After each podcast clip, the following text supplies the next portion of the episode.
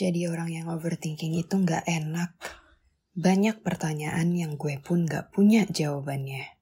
Kayak yang dulunya pernah sedekat itu, kok sekarang kita main bareng pun nggak pernah. Atau mereka yang udah sampai pada titik itu. Tapi kok gue masih di sini-sini aja? Tahun ini daya gue habis cuma buat ribut sama diri sendiri.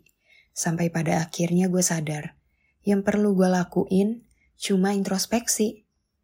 Gue coba belajar dari teori seorang filsuf, buat lebih memahami diri sendiri. Tapi sayangnya teori gak punya emosi. Dia bukan manusia. Jadinya gue tetap jalan di pola yang sama. Sering marah dan gak mau kalah. Padahal gak ada yang harus gue menangin. Semua itu terjadi berulang kali.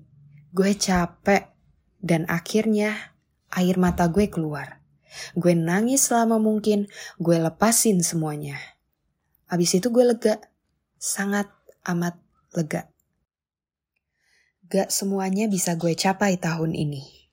Padahal ada hal yang gak rela untuk gue kalahin. Dengan konyolnya gue bilang sama diri gue sendiri, mungkin bukan hari ini. Mungkin bukan buat lo.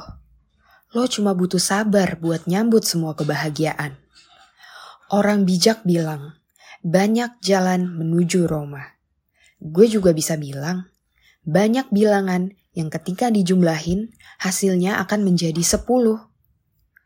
Buat ngerayain akhir tahun, gue cuma bisa manifesting diri gue sendiri.